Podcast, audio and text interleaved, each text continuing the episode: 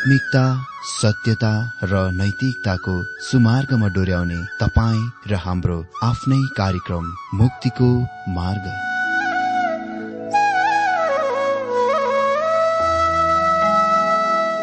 आदरणीय श्रोता यस मुक्तिको मार्ग कार्यक्रममा हार्दिक स्वागत छ। आशा छ यस आत्मिक कार्यक्रमद्वारा जीवनमा आत्मिक आशिष अलौकिक शान्ति र आनन्द प्राप्त गर्नुहुनेछ। र जीवनमा धन्य अनुभव गर्नुहुनेछ। आउनुहोस् श्रोता मन र आत्माको तयारीको लागि यो मिठो अनि मधुर भजन गीत सुनौ।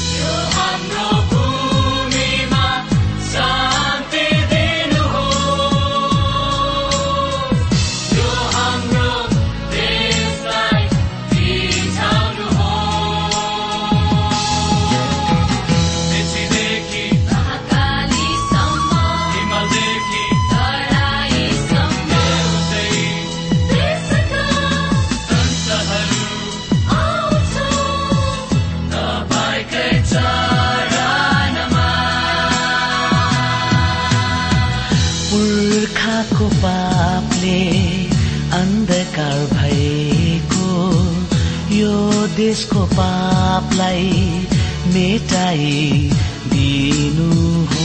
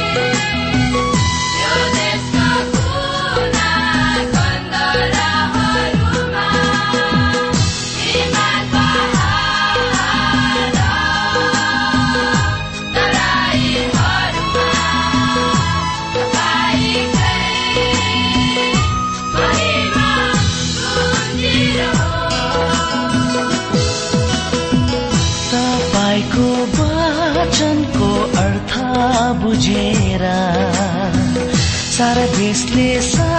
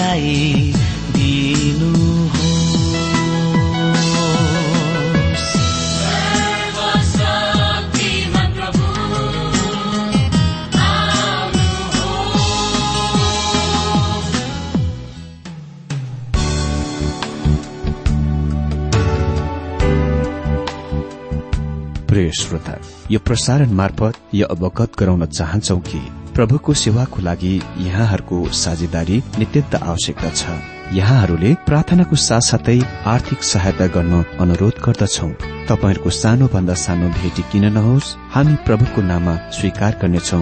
प्रभुको सेवाको लागि। तपाईँहरूको यो सानो लगानीले कसैको जीवनमा भिन्नता ल्याउँछ अनि प्रभुको महिमा हुन्छ। प्रभु तपाईँहरूलाई महान गरी आशिष दिनुहुनेछ। इच्छुक श्रोताहरूले तपाईँको इच्छा भेटी हाम्रो ठेगानामा पठाउन सक्नुहुन्छ जुन ठेगाना हामी कार्यक्रमको अन्तमा दिनेछौं। नमस्ते जयमसी प्रिय श्रोता मित्रहरू साथै हार्दिक स्वागत छ आजको यो बाइबल अध्ययन कार्यक्रममा। श्रोता मित्र आज हामी बाइबल अध्ययन पहिलो युहन्ना पाँच अध्यायबाट अध्ययन गर्न आरम्भ गरिरहेका छौं। यस अध्यायमा हामी यो अद्भुत सानो पुस्तकको प्रमुख खण्ड विभागतिर आएका छौं। यो पुस्तकको पहिलो भागमा हामीले देख्यौं परमेश्वर ज्योति हुनुहुन्छ। त्यसपछि दोस्रो भागमा हामीले देख्यौं परमेश्वर प्रेम हुनुहुन्छ। अनि यो अन्तिम अध्यायको विषय चाहिँ परमेश्वर जीवन हुनुहुन्छ हो। त यस मुख्य विषय अन्तर्गत हाम्रो उपशाखा विषय पहिलो युहन्ना पाँच अध्यायको एकदेखि पाँच पददेखि संसारमाथि विजयबाट बाइबल अध्ययन गर्न गइरहेका छौं र अर्को दिनमा पनि हामी यही विषयबाटै अध्ययन गर्नेछौ। आज हामी खालि पहिले युहन्ना पाँच अध्यय एकदेखि तीन पदसम्मबाट बाइबल अध्ययन गर्नेछौ। संसारमाथि विजय। यी पाँच पदहरूमा युहन्नाले संसारमाथि विश्वासीको लागि विजयको बारेमा कुरा गर्छन्। यहाँ उल्लेखित संसार कस्मोस हो। कस्मोस मतलब त्यसको आफ्नो सम्पूर्ण संस्थाहरू त्यसका सम्पूर्ण सरकारहरू र त्यसको सम्पूर्ण प्रणालीहरू स्वार्थीपनाहरू त्यसको लोभ लालच त्यसको दुख त्यसको बिरामी र त्यसको दयनीय पाप सहितको संसार हो। युहानले भन्न गइरहेका छन् कि यस संसारमाथि परमेश्वरको सन्तानको लागि विजय पाउन सम्भव छ। आउनुहोस् पहिलो युहान पाँच अध्यय एक पद हेर्दै अगाडि बढौं। यहाँ यस प्रकार लेखिएको छ येसु नै ख्रिष्ट हुनुहुन्छ भने विश्वास गर्ने हरेक परमेश्वरको बालक हो। जसले बाबुलाई प्रेम गर्छ उसले तिनको छोरालाई पनि प्रेम गर्छ। मित्र परमेश्वर जीवन हुनुहुन्छ र त्यो जीवन परमेश्वरबाट नयाँ जन्म पाउने कामद्वारा आउँछ। लेखेको छ हरेक जसले यसो नै ख्रिष्ट हुनुहुन्छ भनी विश्वास गर्छ। ऊ परमेश्वरबाट जन्मेको हो। यो नै विधि हो। प्रक्रिया हो। यही नै तरिकामा कुनै व्यक्तिले नयाँ जन्म पाउँछ। युहानले यहाँ र आफ्नो सुसमाचारका पुस्तकको आरम्भमा स्पष्ट बनाउँछन् कि तपाईँ प्रभु येशु ख्रिष्टमा साधारण विश्वासद्वारा परमेश्वरको सन्तान बन्नुहुन्छ। युहान एक अध्ययको बाह्र पदमा लेखिएको छ तर जतिले उहाँलाई ग्रहण गरे तिनीहरूलाई उहाँले परमेश्वरको सन्तान हुने अधिकार दिनुभयो। अर्थात तिनीहरूलाई जसले उहाँको नाउँमा विश्वास गर्छन्। यसको अर्थ यो हो जब तपाईँ ख्रिस्टलाई विश्वास गर्नुहुन्छ तपाईँ त्यस व्यक्तिलाई विश्वास गर्नुहुन्छ जो मानव अवतारमा आउनु भएको परमेश्वर स्वयं हुनुहुन्छ र उहाँले गर्नुभएको कामहरूको विश्वास गर्नुहुन्छ। उहाँले गर्नुभएको तमाम कामहरूको कुनै महत्व थिएन। यदि उहाँ त्यो नहुनु भए जो आफ्नो बारेमा उहाँले भन्नुभएको थियो दावी गर्नुभएको थियो। फेरि मैले यो भन्नै पर्छ। कन्या कुमारीबाटको जन्म अति नै महत्वपूर्ण र आवश्यक कुरा हो। त्यो के हो? को हो जो संसारको पापहरूको निम्ति मर्यो? त्यो गर्ने मानिस साधारण मानिस थिएन। किनभने सामान्य मानिस आफै स्वयं नै पापी छ र आफ्नो उद्धार प्राप्त गर्नलाई वा पाउनलाई पनि मर्न सक्दैन थियो। उनी खालि दण्डको मृत्यु मात्र मर्न सक्थ्यो। परमेश्वरबाट अनन्त कालभरि अलग भएर लेखिएको छ हरेक जसले येशु नै ख्रिष्ट हुनुहुन्छ भनी विश्वास गर्छ ऊ परमेश्वरबाट जन्मेको हो। यो नै विश्वासले नयाँ जन्मको उत्पादन गर्दछ पैदा गर्दछ। एकपल्ट तपाईँले नयाँ जन्म पाउनु भएपछि तपाईँले कसरी थाहा पाउनुहुन्छ कि तपाईँ नयाँ जन्म पाउनु भएको छ? के तपाईँसँग केही महान अभिभूत गर्ने अनुभव छ। के तपाईँ केही अति आनन्द क्षेत्रमा प्रवेश गर्नुहुन्छ? अह जरुरी छैन कुनै। मलाई भनिएको छ कि कोही कोही मानिस यस अनुभवमा भएर गएका छन् जब तिनीहरूले नयाँ जन्म पाए। अमित्र यो कुनै असामान्य असाधारण प्रक्रिया होइन। लेखेको छ यदि येसु नै ख्रिस्ट हुनुहुन्छ भनी विश्वास गर्ने हरेक परमेश्वरको बालक हो। जसले बाबुलाई प्रेम गर्छ उसले तिनको छोरालाई पनि प्रेम गर्छ। जब तपाईँ प्रभु येशु ख्रिस्टलाई विश्वास र भरोसा गर्नुहुन्छ तपाईँ नयाँ जन्म पाउनुहुन्छ तपाईँ येशुको सन्तान हुनुहुन्छ परमेश्वरको सन्तानमा तपाईँ गनिनुहुन्छ र परमेश्वर तपाईँको स्वर्गीय पिता बन्नुहुन्छ। उहाँ परमेश्वर पिता हुनुहुन्छ र उहाँ तपाईँको स्वर्गीय पिता बन्नुहुन्छ। यदि तपाईँको स्वर्गीय पिता हुनुहुन्छ उहाँ र तपाईँ उहाँदेखि उहाँबाट जन्मेको हुनुहुन्छ भने तब तपाईँ उहाँलाई प्रेम गर्नुहुन्छ। तर त्यो त्यहाँ नै सकिँदैन अडिँदैन। तपाईँ त्यो अर्को भाइलाई पनि प्रेम गर्नुहुनेछ जो उहाँबाट जन्मेका छन्। अर्को शब्दमा तपाईँ परमेश्वरको अन्य सन्तानहरूलाई प्रेम गर्नुहुनेछ। युहानले यो अघि नै भनिसकेका छन् र उसले भने कि यो उससँग कुनै नयाँ कुरा होइन। पहिले युवाना तीनको एघार पदमा हामी पढ्छौं किनकि तिमीहरूले सुरुदेखि नै सुनेको सुसमाचार यही हो हामीले एक अर्कालाई प्रेम गर्नुपर्छ। अनि प्रभु येशुले भन्नुभयो युहाना तेह्रको पैतिस पदमा तिमीहरूको आपसमा प्रेम छ भने यसैबाट सबैले तिमीहरू मेरा चेला हौ भनी थाहा पाउनेछ। यो अभिव्यक्ति परमेश्वरबाट जन्मेको अभिव्यक्ति चाहिँ महत्वपूर्ण छ। परमेश्वरबाट जन्मनु यस तथ्यसँग गर्नुपर्ने र राख्नुपर्ने स्वरूपकार केही छैन। तपाईँ मण्डलीसँग जोडिनु भएको छ र तपाईँले तमाम ख्रिस्टियन धर्मवेदी र धार्मिक कृतिहरूको पालन गर्नुभएको छ। अह यदि तपाईँ परमेश्वरबाट जन्मनु भएको छ भने म आशा गर्दछु कि तपाईँ कुनै मण्डलीसँग जोडिनु भएको छ र तपाईँले आफ्नो मण्डलीको धार्मिक कृत्य धार्मिक विधिहरूमा भाग लिनु भएको छ। तर निश्चित नियम र विधिहरूको अनुकरण गर्ने पछ्याउने कुराले तपाईँलाई परमेश्वरको सन्तान बनाउँदैन। महत्वपूर्ण कुरा यो हो कि तपाईँ परमेश्वरबाट जन्मनु भएको छ? के तपाईँले नयाँ जन्म प्राप्त गर्नुभएको छ? तपाईँले नयाँ जन्म पाउनुहुन्छ जब तपाईँ प्रभु येशुलाई ख्रिस्टलाई आफ्नो उद्धारकर्ताको रूपमा ग्रहण गर्नुहुन्छ र यसको प्रमाण यो हो कि तपाईँ परमेश्वरलाई प्रेम गर्नुहुन्छ। तपाईँ आफ्नो पितालाई प्रेम गर्नुहुन्छ। उहाँले तपाईँलाई जन्माउनु भयो र तपाईँ उहाँका सन्तानहरूलाई पनि प्रेम गर्नुहुन्छ किनभने तिनीहरू तपाईँका दाजुभाइ दिदी बहिनीहरू हुन् प्रभुमा। कुनै निश्चित सम्प्रदाय चर्च जाति वा समूह झुण्डसँग यसलाई सीमित गर्न सकिँदैन। जो व्यक्ति नयाँ जन्म पाएको छ उसले अरू विश्वासीहरूलाई प्रेम गर्दछ गर्नेछ जो नयाँ जन्म पाएका छन्। यो पत्रमा नै तपाईँ आफ्नो उद्धारको निश्चयता पाउन सक्नुहुन्छ। र युवानाले तपाईँलाई पूरा यो पत्रभरि केही प्रमाणहरू दिइरहेका छन् कि तपाईँ वास्तवमा परमेश्वरको सन्तान हुनुहुन्छ कि हुनुहुन्न भन्नेमा। पहिलो कुरा पहिले युहाना दुई अध्यायको उन्तिस पदमा लेखिएको छ वा धर्मी हुनुहुन्छ भनी तिमीहरू जान्दछौ भने हरेक जसले धार्मिक काम गर्छ ऊ पनि उहाँबाटै जन्मेको हो भने तिमीहरू जान। परमेश्वरको सन्तानले आफ्नो जीवनमा धार्मिक कामको धार्मिकताको अभ्यास गर्दछ। यसको मतलब यो होइन कि धार्मिकता असामान्य असाधारण कुरा हो वा जीवनमा एकपल्ट मात्र यसको अभ्यास गर्नु हुन्छ। यो तपाईँको जीवनको अभ्यास हुनुपर्छ।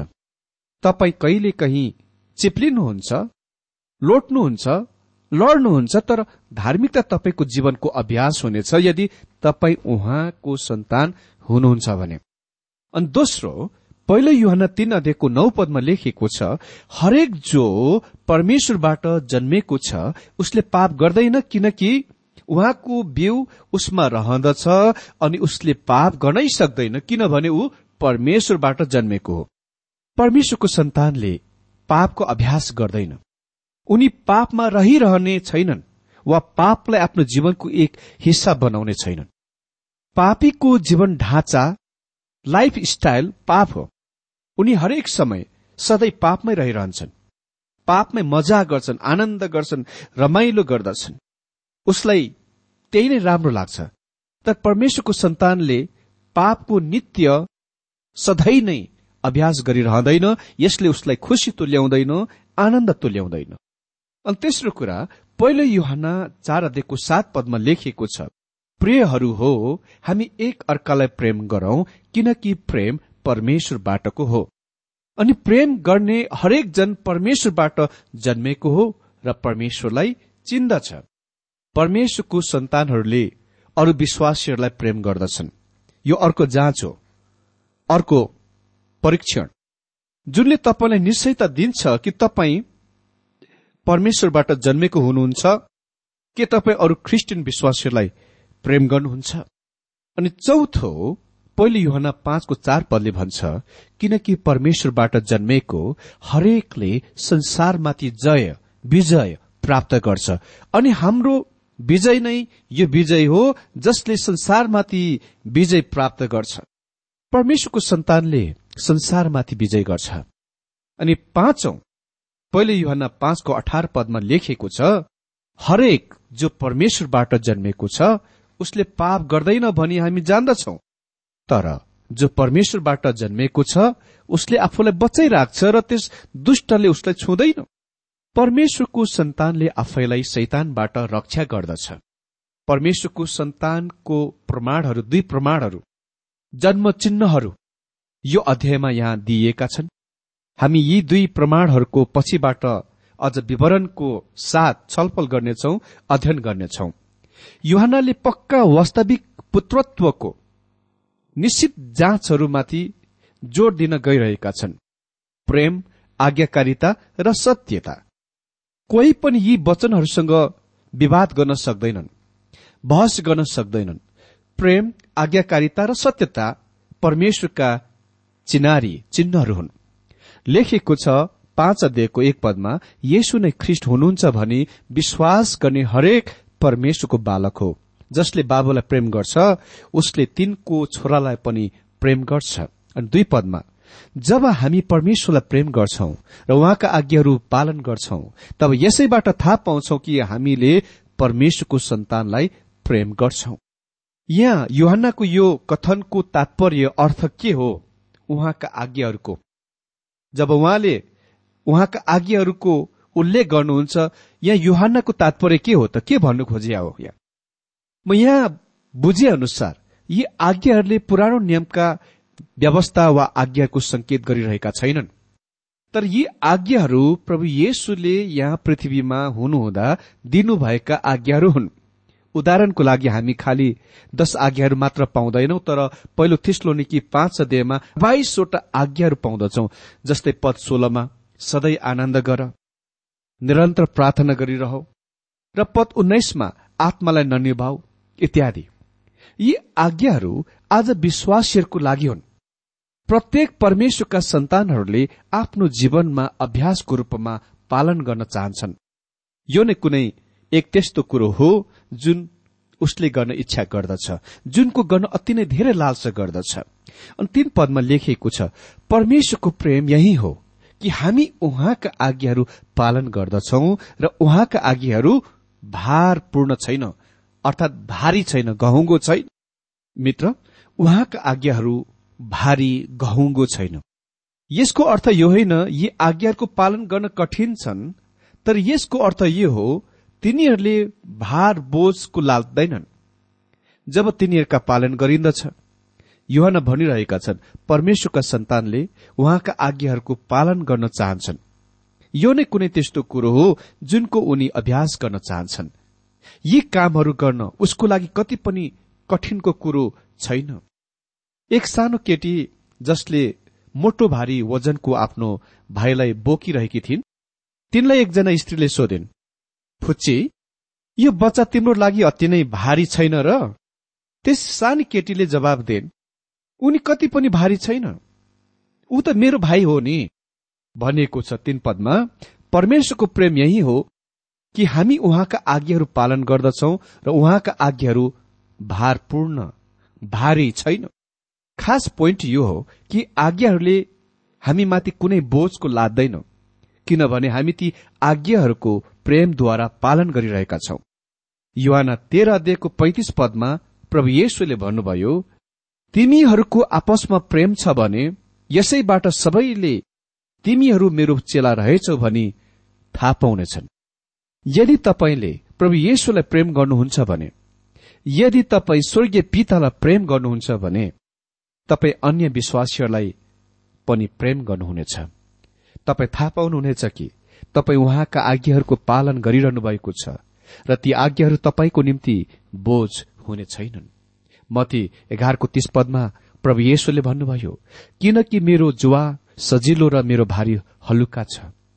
यो आज्ञा भारी र बोझ हुनेछ जबसम्म तपाईँको प्रभुको लागि वास्तविक प्रेम छैन र तपाईँ साँच्चीकै उहाँलाई सेवा गर्न चाहनुहुन्न भने।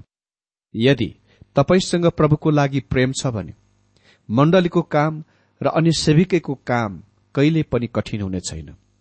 प्रभुका कुनै आज्ञाहरू कठिनका हुँदैनन्। प्रभुसँग मेरो यही विन्ती छ प्रार्थना छ कि हामी सबैले उहाँलाई अझ धेरै गरेर प्रेम गर्न हृदय दिउन्। प्रभुले आजको यो बाइबल अध्ययनद्वारा हरेकलाई धेरै धेरै आशिष दिनुभएको होस्।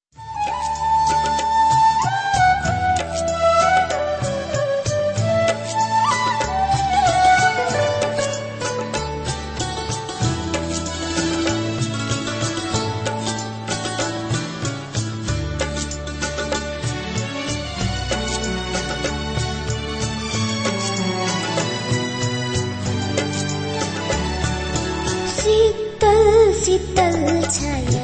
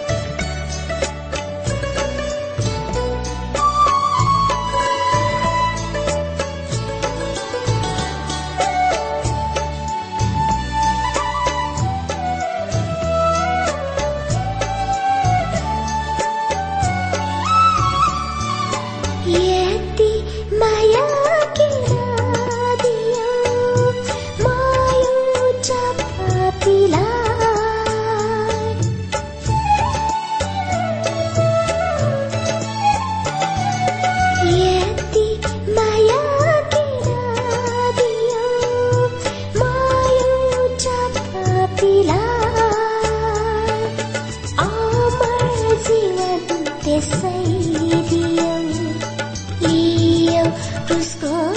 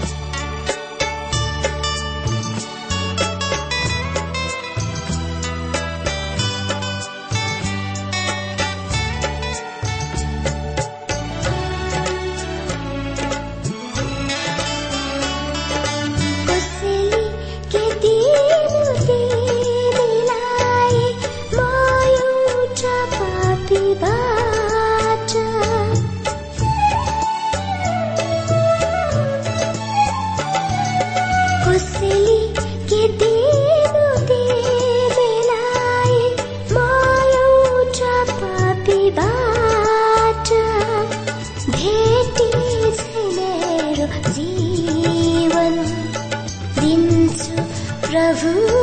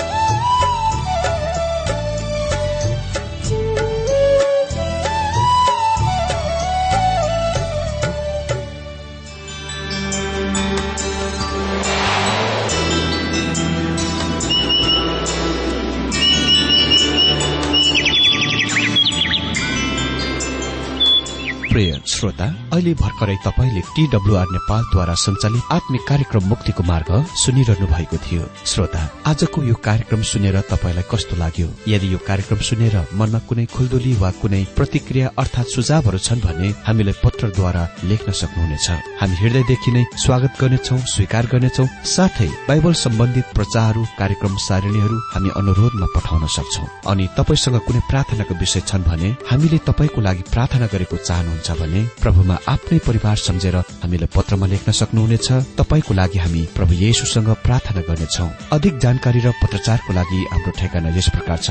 कार्यक्रम मुक्तिको मार्ग जीपीओ नम्बर उनानब्बे पचहत्तर इपिसी पच्चिस एकसठी काठमाडौँ। ठेगाना एकपल्ट सुन्नुहोला। कार्यक्रम मुक्तिको मार्ग जीपीओ नम्बर उनानब्बे पचहत्तर इपिसी पच्चिस एकसठी काठमाडौँ। हाम्रो इमेल एड्रेस हो TWR Nepal at Yahoo dot com साथै यस नम्बरमा एसएमएस गर्न सक्नुहुनेछ। अन्ठानब्बे चार सत्तरी पैंतिस छ सय उनासी नौ आठ चार सात जिरो तीन पाँच छ सात नौ। हुन्छ श्रोता आजलाई हामी विदा चाहन्छौ। अर्को कार्यक्रममा हामी पुनः भेट्नेछौ तबसम्मलाई नमस्कार।